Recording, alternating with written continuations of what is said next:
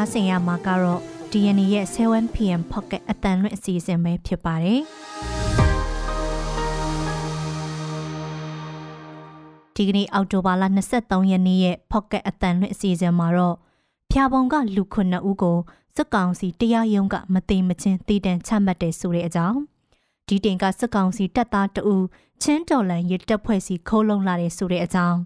ရွှေဘိုနယ်ပုံးပွဲရွာမှာတက်ဆွဲခဲ့တဲ့စစ်ကောင်စီတပ်က အမျိုးသား၄ဦးကိုတပ်ဖြတ်ခဲ့တယ်ဆိုတဲ့အကြောင်းဘင်္ဂလားပင်လယ်အော်ထဲမှာနေတဝက်အတွင်ဆိုင်ကလုံးပုံတိုင်းဖြစ်လာနိုင်တယ်ဆိုတဲ့အကြောင်းကမ်ဘလူဒေသခံ၈ဦးကိုစစ်တပ်ကဖမ်းဆီးရိုက်နှက်လို့တဦးသေဆုံးနေဆိုတဲ့အကြောင်းစားတဲ့ပြည်တွင်းသတင်းတွေနဲ့ဂါဇာကိုထောက်ပံ့ရေးပစ္စည်းတွေပို့ဆောင်ဖို့စစ်ပွဲယာယီရပ်တန့်စီလိုကြောင်းကုလသမဂ္ဂအကြီးအကဲပြောတယ်ဆိုတဲ့အကြောင်းဗြိတိန်မှာမုန်တိုင်းတိုက်ခတ်ချိန်ဆင်းသက်ရာမှာခရီးသည်တင်လေရင်လမ်းချော်မှုဖြစ်ပွားခဲ့တယ်ဆိုတဲ့အကြောင်း စတဲ့နိုင်ငံတကာသတင်းတွေနဲ့အတူຫນွေဦးတွေကကြပြကြပြတွေကຫນွေဦးကိုနားဆင်ရမှာပါရှင်ပြည်တွင်းသတင်းတွေကိုတော့ကျမနန်းခမ်းနဲ့ကိုမောင်သိန်းကတင်ဆက်ပေးမှာပါ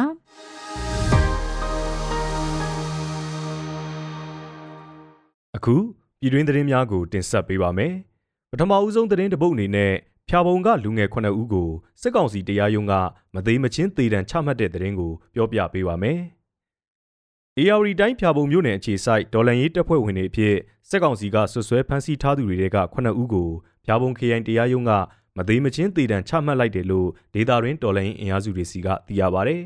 ။ Black Dragon 4ဖြာပုံတပ်ဖွဲ့ဝင်တွေလို့ဆွဆွဲဖမ်းဆီးခံထားရသူတွေကလူငယ်9ဦးကိုစစ်ကောင်စီရဲ့ဖြာပုံခရိုင်တရားရုံးကအော်တိုဘာလ22ရက်မှာမသိမချင်းကြိုးပေးတက်စီအမိန့်ချမှတ်ခဲ့တာလို့ ARD လူငယ်များတမကကထုတ်ပြန်ထားပါတယ်။ ဖြာပုံမြို့အခြေစိုက်ဒေါ်လန်ရေးလှုပ်ရှားမှုတွေလုပ်ခဲ့တဲ့ Blood Dragon Force ဖြာပုံတပ်ဖွဲ့ဝင်တွေလို့ဆိုကာအမျိုးသမီးတဦးအပါအဝင် စုစုပေါင်း15ဦးကိုစစ်ကောင်စီက2022ခုနှစ်ဩဂုတ်လကုန်ပိုင်းမှာစတင်ဖမ်းဆီးခဲ့တာဖြစ်ပါတယ်။ Blood Dragon Force ဖြာပုံတပ်ဖွဲ့ဟာ AR တိုင်းဖြာပုံနဲ့မအူပင်မြို့နယ်တွေအတွင်းစစ်ကောင်စီတပ်ဆိုင်ရာနေရာတွေနဲ့လူပုဂ္ဂိုလ်တချို့ကိုတိုက်ခိုက်မှုတွေလုပ်ခဲ့တယ်လို့ကြေညာချက်တွေထုတ်ပြန်ခဲ့ပူပါတယ်။ အခုတေတံချမှတ်ခံရသူ9ဦးဟာလောက်ကျန်တပ်ဖြတ်မှုတွေကိုဥဆောင်သူလို့စစ်ကောင်စီကဆွဆွဲထားတဲ့ကိုစံလင်းစံအပါအဝင်လူငယ်အမျိုးသားတွေဖြစ်တယ်လို့သိရပါတယ်။ Black Dragon Force ဖြာပုံတပ်ဖွဲ့ဝင်လို့ဆိုသူ15ဦးကိုစစ်ကောင်စီကဖမ်းဆီးခဲ့ပြီးတဲ့နောက်လူသက်မှုပုံမှ301ခါခွေးအပါအဝင် ပုံမှအများပြားနဲ့တရားစွဲဆိုခဲ့ပါတယ်။ဒီလိုမတရားတေတံချမှတ်တဲ့အပေါ်ရှုံချသလိုအမိန့်ချမှတ်ခဲ့တဲ့ဖျားပုံခရိုင်တရားသူကြီးဒေါ်သူစာအေးအပါဝင်စက်ကောင်စီလက်အောက်ခံဝန်ထမ်းတွေကို အမည်ပြတ်စီရင်သွင်းတယ်လို့လည်း AR တိုင်းအခြေစိုက်ဒေါ်လာရင်းအင်အားစုတွေရဲ့ပူးရဲထုတ်ပြန်ချက်ကဆိုပါတယ်။အချက်လက်အခြေပြုသူတေသနာအဖွဲ့အစည်းတစ်ခုဖြစ်တဲ့ ISB မြန်မာရဲ့2021ခုနှစ်အတွင်းထုတ်ပြန်ခဲ့တဲ့စစ်တမ်းတစ်ခုအရဆရာနာသိမ်းပြီးတဲ့နောက်ပိုင်းဖမ်းဆီးခံရတဲ့သူတွေကိုတေတံချမှတ်ရမှာလူသက်မှုပုံမှ302ကိုလည်းအသုံးပြုလေးရှိတယ်လို့ဖော်ပြထားပါတယ်။အခုဆက်လက်ပြီးပြောပြချက်နဲ့အကြောင်းကတော့ တီးတိန်ကစက်ကောင်စီတပ်သားတအူချင်းတော်လန်ရဲ့တပ်ဖွဲ့စီကိုခိုးလုံလာတယ်ဆိုတဲ့အကြောင်းပါချင်းပြည်နယ်တီးတိန်မြို့နယ်တိုင်းရင်တပ်စခန်းကတပ်သားတအူဟာအော်တိုဘာလ20ရက်ကစက်ကောင်စီတပ်ကိုစွန့်ခွာထွက်ပြေးခိုးလုံလာတယ်လို့ချင်းဒေသကာကွယ်ရေးတပ် CDF CDM စီးရင်ကတာဝန်ရှိသူတဦးကပြောပါတယ်ထွက်ပြေးခိုလုံလာခဲ့တဲ့သူဟာထန်တလန်မြို့အခြေစိုက်စက်ကောင်စီခလာရ269ကတက်တာစိုင်းစော်ထွေးဆိုသူဖြစ်ပြီးတော့ လက်နက်ခဲယမ်းပါမလာတာကြောင့်စုကြည်တော့မပေးထားဘူးလို့ CDF CDM စီးရင်တာဝန်ရှိသူကပြောပါတယ်။ဒါပေမဲ့စစ်ကောင်စီတပ်ကိုစွန့်ခွာလာတဲ့အပေါ်ကြိုးဆိုကြောင်းနဲ့လုံခြုံတဲ့နေရာကိုပို့ပေးဖို့စီစဉ်နေတယ်လို့လည်းသူကဆက်ပြောပါတယ်။ CDF CDM စီးရင်တပ်ဖွဲ့အနေနဲ့စစ်ကောင်စီကိုစွန့်ခွာခဲ့တဲ့စစ်သားနဲ့ရဲတွေကိုလက်နက်ခဲယမ်းပါတယ်ဆိုရင်စုကြည်ငွေကျပ်350ပေးလိရှိတယ်လို့သိရပါတယ်။ပြီးခဲ့တဲ့စက်တင်ဘာလကလည်း စစ်ကောင်စီတပ်ရဲ့အနောက်မြောက်တိုင်းစစ်ဌာနချုပ်လက်အောက်ခံအမှတ်930ထောက်ပို့တပ်ကဒုတက်ချက်တူ CDF စီရင်စီခုံလုံခဲ့ပါသေးတယ်။စစ်တပ်ကအာဏာသိမ်းခဲ့တဲ့2021ခုနှစ်ကစပြီးတော့ဒီကနေ့အထိစစ်ကောင်စီတပ်ကိုစွန့်ခွာပြီးတော့ CDF စီရင်စီကိုခုံလုံလာသူ10ဦးကျော်ရှိပြီလို့သိရပါတယ်။အမျိုးသားညီညွတ်ရေးအစိုးရ NUG ကာကွယ်ရေးဝန်ကြီးဌာနကတော့စစ်ကောင်စီကိုစွန့်ခွာလာသူနဲ့ဒေါ်လန်ရေးမှာပူးပေါင်းပါဝင်သူစစ်သားဦးရေ 3235ဦးနဲ့ရဲတပ်ဖွဲ့ဝင်ဦးရေ1356ဦးရှိပြီလို့ပြီးခဲ့တဲ့စက်တင်ဘာ9ရက်ကထုတ်ပြန်ထားပါတယ်။နောက်ထပ်သတင်းတစ်ပုဒ်အနေနဲ့ရွှေဘိုနယ်ဘုံဘွဲ့ရွာမှာတက်ဆွဲခဲ့တဲ့စစ်ကောင်စီတပ်ကအမျိုးသား၄ဦးကိုတပ်ဖြတ်ခဲ့တဲ့သတင်းကိုပြောပြပေးပါမယ်။စကိုင်းတိုင်းရွှေဘိုမြို့နယ်ဘုံဘွဲ့ကြီးရွာမှာတညတာတက်ဆွဲညအိခဲ့တဲ့စစ်ကောင်စီစစ်ကြောင်းဟာဒေါ်လန်ရေးတပ်ဖွဲ့ဝင်3ဦးနဲ့ဒေသခံမတန်ဆွမ်း2ဦးစုစုပေါင်း4ဦးကိုတပ်ဖြတ်ခဲ့တယ်လို့ဒေတာရင်းဒေါ်လန်ရေးအင်အားစုတွေကပြောပါတယ်။ ကျွေဘုံမြို့နယ်ပြည်သူ့ကာကွယ်ရေးအဖွဲ့တိုက်နယ်ငါခေါင်းဆောင်အပါအဝင်ပကဖတပ်ဖွဲ့ဝင်3ဦးနဲ့မတန်ဆွမ်းအမျိုးသား2ဦးတို့ကိုစစ်ကောင်စီကအော်တိုဘာလ15ရက်မှာတပ်ဖြတ်ခဲ့တာလို့ဒေသကာကွယ်အင်အားစုတွေကိုကိုးကားပြီးမြေလက်အတန်သတင်းဌာနကဖော်ပြထားပါတယ်။နောက်ထပ်သတင်းတချို့မှာတော့သေဆုံးသူတွေဟာဒေသခံတွေလို့ဖော်ပြကြပါတယ်။ရွှေဘိုမြို့နယ်တောင်ဘက်ကစိုင်းနိုင်ခွေးမှာတက်ဆွဲထားတဲ့စစ်ကောင်စီတပ်ဟာ အော်တိုဘာလ14ရက်ကအင်အားတရာဝန်းကျင်နဲ့ရွှေဘိုမန္တလေးလမ်းအတိုင်းခြေလျင်စစ်ကြောင်းထိုးခဲ့ပြီးရွှေဘိုမြို့တောင်ဘက်က9မိုင်ကျော်အကွာကဘုံဘွဲ့ရွာမှာညအိတ်တက်ဆွဲခဲ့ပါတယ်။နောက်တရက်မနက်မှာစစ်ကောင်စီစစ်ကြောင်းပြန်ထွက်သွားပြီးအထင်နဲ့ရွာထဲကိုအခြေအနေပြန်ဝင်ကြည့်ကြတဲ့သူတွေစစ်ကောင်စီတပ်နဲ့တိုးပြီးပြစ်တက်ခံရတာလို့ဆိုပါတယ်။အဲ့ဒီရက်ပိုင်းကမန္တလေးရွှေဘိုလမ်းအတိုင်းစစ်ကြောင်းထိုးလာတဲ့စစ်ကောင်စီတပ်ကိုဒေသကာကွယ်တပ်တွေကနှစ်ရက်ဆက်မိုင်းဆွဲတိုက်ခိုက်ခဲ့တယ်လို့ ဘုံဘွဲ့ရွာမှာလည်းနှစ်ဖက်တိတွေ့တိုက်ပွဲဖြစ်ခဲ့သေးတယ်လို့ရွှေဘိုပြည်သူ့ကာကွယ်တပ်ဖွဲ့တာဝန်ရှိသူတို့က DNA ကိုပြောထားပါတယ်။ဆက်လက်ပြီးတော့ဘင်္ဂလားပင်လယ်အော်ထဲမှာနေတဝက်အတွင်းဆိုင်ကလုန်းမုန်တိုင်းဖြစ်လာနိုင်နေဆိုတဲ့အကြောင်းကိုပြောပြပေးပါမယ်ရှင်။ဘင်္ဂလားပင်လယ်အော်ထဲကလက်ရှိအားကောင်းတဲ့မုန်တိုင်းငယ်အဆင့်ရှိတဲ့မုန်တိုင်းဟာနောက်ထပ်12နာရီအတွင်းဆိုင်ကလုန်းမုန်တိုင်းဖြစ်လာနိုင်တယ်လို့မိုးလေဝသနဲ့ဇလပေတာဌာနကဒီကနေ့နေ့လယ်ပိုင်းမှာထုတ်ပြန်အသိပေးထားပါတယ်။ အဲ့ဒီမုန်တိုင်းအရှိန်ကြောင့်ဒီကနေ့နေ့လယ်ပိုင်းကနေအောက်တိုဘာလ25ရက်နေ့အထိချင်းပြည်နယ်ရခိုင်ပြည်နယ်တို့မှာနေရအနှံ့အပြားသကိုင်းမကွေးမန္တလေးစတဲ့တိုင်းတွေနဲ့ကချင်ရှမ်းပြည်နယ်တို့မှာနေရကျဲကျဲကနေနေရစိတ်စိတ်မိုးထစ်ချုံရွှာနိုင်သလိုနေရကွက်ကြားမိုးကြီးတာလည်းဖြစ်နိုင်တယ်လို့မိုးစလဌာနကအသိပေးထားပါတယ်။မုန်တိုင်းအရှိန်ကြောင့်လေပြင်းတိုက်ခတ်တာမိုးကြီးတာရှုပ်တရက်ရေကြီးတာမြေပြိုတာတွေဖြစ်နိုင်ပြီးတော့ ကုန်းမြင့်ဒေသတွေမှာနေထိုင်နေတဲ့သူတွေအနေနဲ့မြေပြိုမှုအန္တရာယ်ကိုသတိပြုဖို့လိုသလိုမြဝကျွန်းပေါ်နဲ့ကမ်းရိုးတန်းဒေသတွေမှာနေထိုင်နေတဲ့သူတွေအနေနဲ့လည်းရေကြီးရေရှမ်းမှုတွေကိုပိုပြီးသတိထားဖို့လိုတယ်လို့တိုက်တွန်းထားပါတယ်။လက်ရှိခန့်မှန်းချက်တွေအရအဲ့ဒီမုန်တိုင်းဟာဘင်္ဂလားဒေ့ရှ်နိုင်ငံနဲ့ အိန္ဒိယအနောက်ဘင်္ဂလားပြည်နယ်တွေကိုဥတီရွေ့လျားမှာဖြစ်ပေမဲ့ရခိုင်ပြည်နယ်မြောက်ပိုင်းဟာမုန်တိုင်းလမ်းကြောင်းနဲ့နီးကပ်နေတာကြောင့်တတိပြုဖို့လိုတယ်လို့မိုးလေဝသလေလာသူဦးဝင်းနိုင်ကလည်းဆိုထားပါတယ်။ဒီမုန်တိုင်းအရှိန်ကြောင့်ကချင်ပြည်နယ်နဲ့စကိုင်းတိုင်းအထက်ပိုင်းဒေသတချို့ကလွဲလို့ကျန်တဲ့တိုင်းနယ်ပြည်နယ်အားလုံးမှာလာမယ့်၃ရက်အတွင်းမိုးရွာနိုင်ပြီးတော့နေရာကွက်ကြားမိုးများတာတွေလည်းဖြစ်နိုင်တယ်လို့သူကအသိပေးထားပါတယ်။ ဒါအပြင်ရခိုင်ပြည်နယ်တန်တွဲမြို့နယ်တောင်ကုတ်မြို့နယ်တို့ရဲ့အထက်ဖက်မှာလာမယ့်3ရက်ကနေ9ရက်အတွင်းတနအီကို35မိုင်အထိလေပြင်းတိုက်ခတ်နိုင်တယ်လို့လည်းမိုးလေဝသခန့်မှန်းချက်တွေကဆိုပါတယ်။နောက်ဆုံးသတင်းတစ်ပုဒ်အနေနဲ့ကမ်ဘလူဒေသခံရှိဦးကိုစစ်တပ်ကဖမ်းဆီးရိုက်နှက်လို့တအူးသေဆုံးတဲ့အကြောင်းကိုပြောပြပေးပါမယ်။။ သကိုင်းတိုင်းကမ်ဘလူမြို့နယ်ပုံနာကြီးကျေးရွာတဲကိုစစ်ကောင်စီတပ်ကစစ်ကြောင်းထိုးဝင်ရောက်ခဲ့ပြီးတဲ့နောက်အရက်သားရှိဦးကိုဖမ်းဆီးနှိပ်စက်တာကြောင့်တဦးသေဆုံးသွားပြီးအလောင်းလဲပြန်မရသေးဘူးလို့ဒေသခံတဦးက DNA ကိုပြောပါရယ်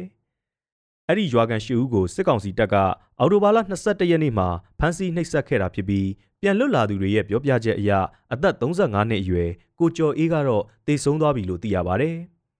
စစ်ကောင်စီတပ်ကကြံတဲ့9ဦးကိုမနေ့ကပြန်လွှတ်ပေးလိုက်ပေမဲ့ဒဏ်ရာတွေပြင်းပြင်းထန်ထန်ရထားတာကြောင့်စေကူတာမှုခံယူနေရတယ်လို့လည်း DNA နဲ့အဆက်အသွယ်ရတဲ့ဒေသခံအမျိုးသားကပြောပါတယ်။လုံခြုံရေးအခြေအနေအရအဲ့ဒီသတင်းရင်းမြစ်ကိုပြောပြတဲ့အမျိုးသားရဲ့အမည်ကိုတော့ဖော်ပြနိုင်ခြင်းမရှိပါဘူး။ကမ်ဘလူမြို့နယ်မြောက်ပိုင်းချက်သင်းတိုက်နယ်စံပြကျေးရွာမှာတက်ဆွဲထားတဲ့စစ်ကောင်စီအင်အားတရာဝန်းကျင်ဟာပြီးခဲ့တဲ့အောက်တိုဘာလ22ရက်မနက်6နာရီလောက်မှာပုံ နာကြီးရွာထဲကိုစစ်ကြောင်းဝင်လာပြီးပြည်သူပိုင်းပစ္စည်းတွေကိုယူသလိုအရက်သားရှိဦးကိုဖမ်းဆီးခဲ့တာလို့သိရပါဗျ။အဲ့ဒီအရက်သားရှိဦးကိုစစ်ကောင်စီတပ်ကပုံနာကြီးရွာနဲ့3မိုင်လောက်အကွာမှာသူတို့အထိုင်ချတပ်ဆွဲထားရာစံပြကြီးရွာကိုခေါ်သွားတာလို့သိရပါဗျ။စစ်ကောင်စီတပ်ကအရက်သားတွေကိုဖမ်းခေါ်သွားပြီးတဲ့နောက်ပြည်သူ့ကာကွယ်ရေးတပ်တွေကစံပြကြီးရွာတဲ့အထိစီးနှင်းဝင်ရောက်ပြီးကယ်ဆယ်ဖို့ကြိုးစားခဲ့ပေမဲ့စစ်ကောင်စီတပ်ဟာအထိုင်ချထားတဲ့စခန်းဘန်ကာတွေရောက်သွားလို့ကယ်တင်နိုင်ခြင်းမရှိဘူးလို့ဒေသခံအမျိုးသားကပြောပါရယ်။ လက်ရှိမှာတော့အဲ့ဒီစစ်ကောင်စီစစ်ကြောင်းဟာပုံနာငယ်ကြေးရွာအနီးရောက်နေတယ်လို့သိရပြီး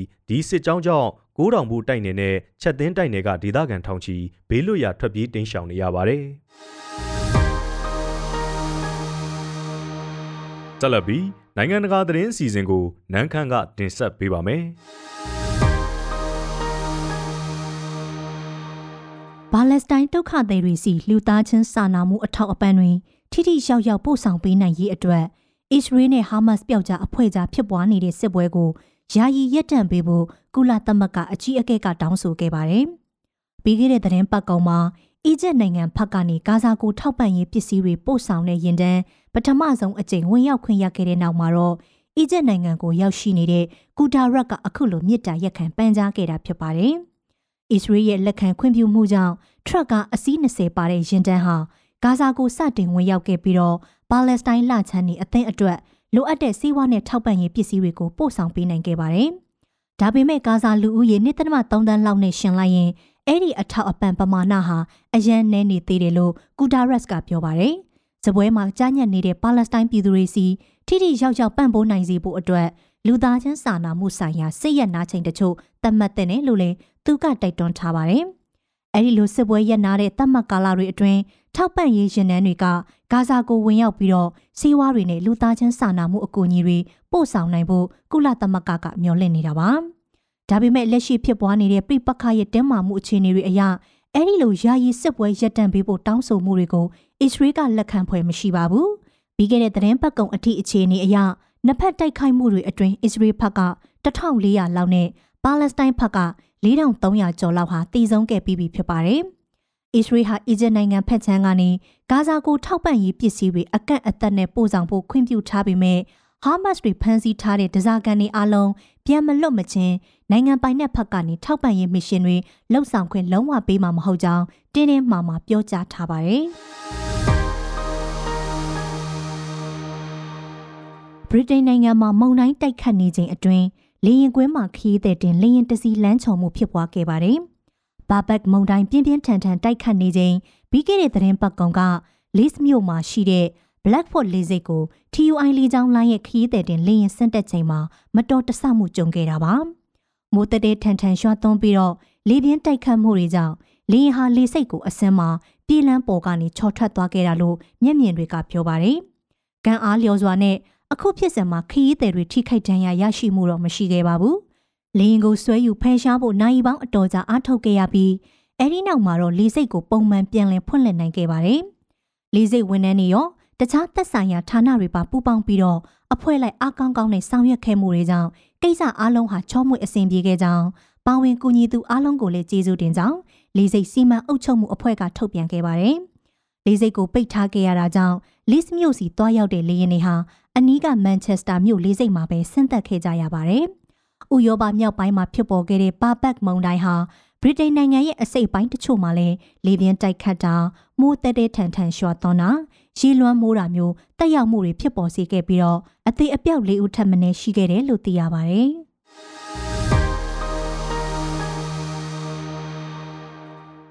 အခုဆက်လက်ပြီးတော့ຫນွေဦးတွေကကြပြကြပြတွေကຫນွေဦးကိုနားဆင်ရမှာပါဒီစီစဉ်ကိုတော့ပညာမော်ကရေးသားထားပြီး ကဗျာဆရာအင်မွန်ကရွတ်ဆိုပေးသွားပါမယ်။လွေဦးတဲ့ကကဗျာကဗျာတွေကလွေຫນွေဥမှာချစ်ကဗျာများရေးခဲ့ကြရင်ရေးရဲ့ချစ်ကဗျာဟာစစ်နှံ့ကိုလှိုင်းလို့ဒီလိုပဲပြောရတော့မယ်ထင်ပါရဲ့ဒီလိုပဲအချစ်ကဗျာရေးကြတဲ့အခါလဲဘောင်းမိုးမိုးတိန်နဲ့မဟာကော့စကီကသူချစ်ရမိမကို မာရီယာမာရီယာလို့ဖွင့်ဖော်ညှိတခဲ့တယ်လို့လူငယ်ကဗျာရေးသူကသူချစ်မြတ်ရမိမတယောက်ရဲ့နာမည်ကိုရေရွတ်တဆိုတာမျိုးရှိမှာပေါ့ခင်မလာဤမုံတိုင်းတွေထန်ခဲ့တာနှစ်နှစ်ကြာသွားသည့်တိုင်အောင်ကဘာတွေကိုရေလှိုင်းတွေကဖြိုချနေတော့မယ်ဟိုမှာကြည်စမ်းခင်မလာ၏ ရေညှိပင်လေးတွေဆက်လက်ရွေရှားနေကြပုံကရေလေကျွန်းကငှက်ကလေးတွေအရင်လိုတေးတီဖောင်ဖွဲ့မနိုင်တော့ဘူးလေတေသူအလောင်းကိုမြေချဖို့တောင်ဒုံဆိုင်ပြင်းနေကြတယ်လူငယ်တွေရဲ့အနာဂတ်ကောင်းငင်ကမှောင်မိုက်လွန်းပါတယ်ခင်မလာကြီးရဲ့ကျွန်တော်ကိုမှတ်မိသေးလားခင်မလာကြီးတော်ရဲတောင်ထဲထောင်ထဲ ကြီးစံလာရလန်းကဲသူမဲ့ရှင်တန်နေခဲ့တာချိုးဖက်ချွေခံဘဝလေးမှုမမှတ်ချင်တော့ရင်လဲဒီဘဝဒီမြနဲ့ပဲနှုတ်ဆက်ခဲ့ပါတယ်ခင်မလာကြီး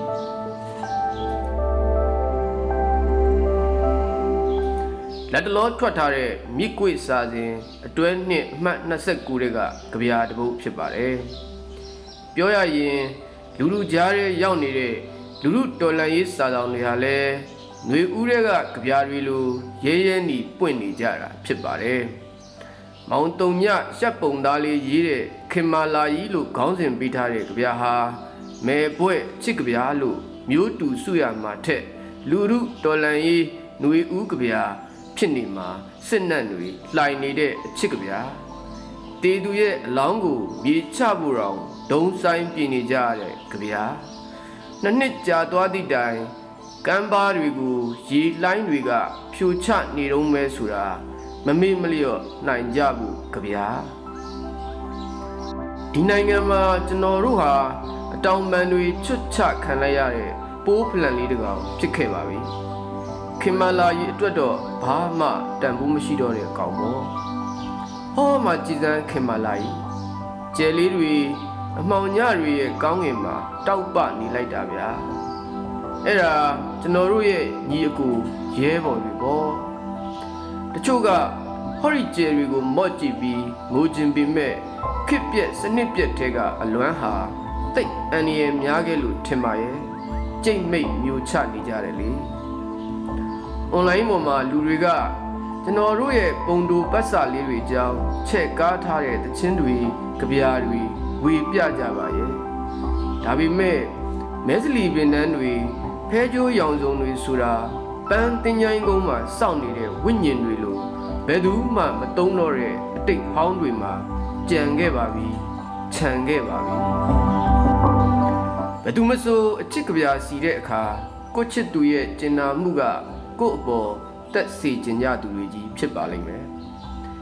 ကျွန်တော်တို့ဟာအ တောင်ပံတွေချွတ်ချခံလိုက်ရတဲ့ပိုးဖလန်လေးတကောင်ဖြစ်ခဲ့ပါပြီလို့ကြပြာတွေကဆိုလိုက်ပုံဟာအမှန်ကိုဆိုတာလည်းဖြစ်ပါတယ်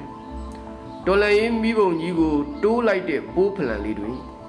သူတို့ကိုကျိုးနေတာမနေတာတဲ့နိုင်ငံကိုကျိုးမနေဘူးဆိုတော့အသက်ကိုစွန့်ရတဲ့အထိကိုကျိုးနေပြီးပိုးဖလန်လေးတွေကတော့ကျဲကလေးတွေအဖြစ်ပြန်တက်သွားလိမ့်မယ်ဒါပေမဲ့ကြံနေတဲ့သူ့ရဲ့ ညီအကိုရဲဘော်တွေဟာငိုခြင်းစိတ်ကိုကြိတ်မိတ်မျိုးချလို့သတိကြီးကြီးနဲ့ခစ်ပြက်စနစ်ပြက်ထဲကအလွမ်းဟာတိတ်အန္တရာယ်များကြတယ်ဒီလိုသဘောပိုက်ထားရကြီးလက်ကထွက်လာတဲ့ရဲဘော်လေးဟာတချင်းစတင်တဲ့အချစ်စတင်တဲ့ရွာဝင်ဗရောက်ပင်အောက်သွေးစွန့်တဲ့နေ့ကစလို့အားလုံးကိုစွန့်ခဲ့ရတာဖြစ်လိမ့်မယ်။ကြပြာရေးသူရဲ့ ဘောင်တုံညဆိုတဲ့နာမည်နောက်ကဂွင်းခတ်ဖော်ပြထားတဲ့ရှက်ပုံသားလေးကိုကျွန်တော်ကရှက်ပုံရွာကထွက်လာတဲ့တော်လန်ရေးတက်သားလေးလို့မှန်းဆကြည့်မိတယ်ခင်မလာကြီးရွာဝင်ဗရောက်ပင်အောက်ကခုံကလေးတွေဟာကျွန်တော်တို့အချင်းစတင်တဲ့နေရာအချစ်စတင်တဲ့နေရာတွေမဟုတ်လားအဲ့ဒီနေရာတွေဟာသွေးစွန်းခဲ့တဲ့နေ့ကစလို့အားလုံးကိုကျွန်တော် စွန့်ခဲ့တာကြာပေါ့ရွာယူကိုပေါက်ကျွန်တော်တို့ရှောက်သွားတော့အချိန်ဆိုတာဆယ်စုနှစ်တစ်ခုတယူဇနာနှစ်ယူဇနာလို့ကြာခဲ့ပြီကြံခဲ့ပြီလေခုဆိုအဲ့ဒီခြေရာတွေကတောင်ပြာတွေကြားတောတွေကြားပင်လယ်ကျွန်းကြိုကျွန်းကြားမှာအနာဂတ်ကိုရေးနေကြတယ်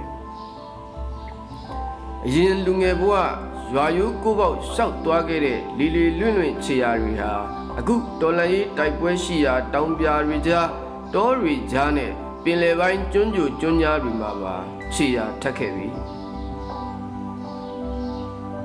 ဒါပေမဲ့လွတ်လပ်အပူပင်ကင်းတဲ့လီလီလွင့်လွင့်ပေါ့ပေါ့တန်တန်လူငယ်ခြေရာတွေမဟုတ်တော့နိုင်ငံရဲ့အနာဂတ်ကိုရေးဖို့လှမ်းရတဲ့လေးနဲ့ရာခြေလန်းတဲ့ခြေရာတွေပဲဖြစ်ရမှာ တွေ့လာခင်မလာကြီးနှင်းစီနီရဲရဲတွေဂန့်ကော်ဗန်းတွေခီပွင့်စပယ်ပွင့်လေးတွေခင်မလာကြီးလိုလူစကားမပြောတတ်ပေမဲ့သူတို့ဟာအမိတ်ပြန်တန်းရဲ့ဏိဒန်းကစလို့ကျွန်တော်တို့ကိုထာဝရဖော်ပြုပေးမယ်တဲ့တခါတလေရိုးမတောင်ပေါ်ကရွာလေးတွေမှာတဆောင်းတနွေအေးချမ်းချမ်းနေပြစ်လိုက်ခြင်းနဲ့ခင်မလာကြီးတိလား တောမပြောတဲ့ကျွန်တော်တို့ဟာရိုးရာမိဘုံပွဲနဲ့ကြုံရင်လွတ်လပ်ခွင့်ရခဲ့တဲ့နေ့တွေညတွေကိုတိတ်လွမ်းလို့ညမှောင်ပြီဆိုရင် လူတခြားအိမ်မက်တခြားပဲလူတခြားအိမ်မက်တခြားဖြစ်ရတဲ့ကြပြာဆရာဟာစစ်တခြားအချစ်တခြားဖြစ်နေရရှာသူကိုယ်သူမြင့်ပြီးတွက်ထားသူမဟုတ်ရပါသူလိုငါလိုတော်လန်တိုက်ပွဲဝင်နေတာကလွဲရင်အရင်တုန်းကလူခတ်ဆိုးဆိုး လူငယ်တယောက်ပါပဲလို့သူ့ချစ်သူကိုလှမ်းတိုင်တယ်လိုက်ပဲအသက်ကိုပမာမထားပဲတိုက်ပွဲဝင်နေကြတဲ့ရေတော်ပုံတပ်သားတွေဆိုပေမဲ့တမဏီသားနဲ့လှုပ်ထားတဲ့စစ်ရိုဘော့ရုပ်ပြီးတော့မဟုတ်နိုင်ပါကြပြာကောင်းစင်မှာသူ့ချစ်သူရဲ့အမိနာမကိုတတ်ထားတယ်လို့သူ့ရဲ့လက်ကြံဘဝတွေများရှိခဲ့ရင်ဒီမိမသူနဲ့ပြန်တွေ့ခြင်းနဲ့အိမ်မက်ကလူတခြားအိမ်မက်တခြားများဖြစ်နေတယ်လို့လား စစ်ထဲကအချစ်အချစ်ထဲကစစ်နဲ့ကြပြားထဲကຫນွေဦးຫນွေဦးထဲကကြပြားမှာတခါလောက်ပဲဖြစ်ဖြစ်ခင်မာလာကြီးလို့ဆိုတဲ့အတန်ကိုကျွန်တော်ဆက်ပြီးနားထောင်ကြည့်ကြပါစို့ဟောပြောရင်ဆိုရင်ຫນွေလေယူတွေကချိန်ခါမရွေးကျွန်တော်ကိုဇဝေဇဝါနဲ့တိုက်နေကြပြန်ပြီဒါပါပဲခင်မာလာကြီးအလွန်အကျွံစွန့်စားရတဲ့စခန်းရက်မှာ နေဝင်နေထွက်ကို့ကျွန်ဘဝကလွတ်မြောက်ဖို့ကြိုးစားရင်လူအများဟာသူ့လိုငါလိုကျွန်တော်လဲတော်လန်တိုက်ပွဲဝင်နေတာကလွဲရင်အရင်လိုခတ်ဆူဆူလူငယ်တယောက်ပဲဒီတညလဲအရင်ညကဆူတောင်းလို့ပဲလူတခြားအိမ်မတခြားနဲ့တခါလောက်ပဲဖြစ်ဖြစ်ခင်မာလာကြီးထပ်တွေ့ခြင်းမိပါတယ်ပြီးတော့ဆက်ချစ်ခြင်းသေးတဲ့ခင်မာလာကြီးရဲ့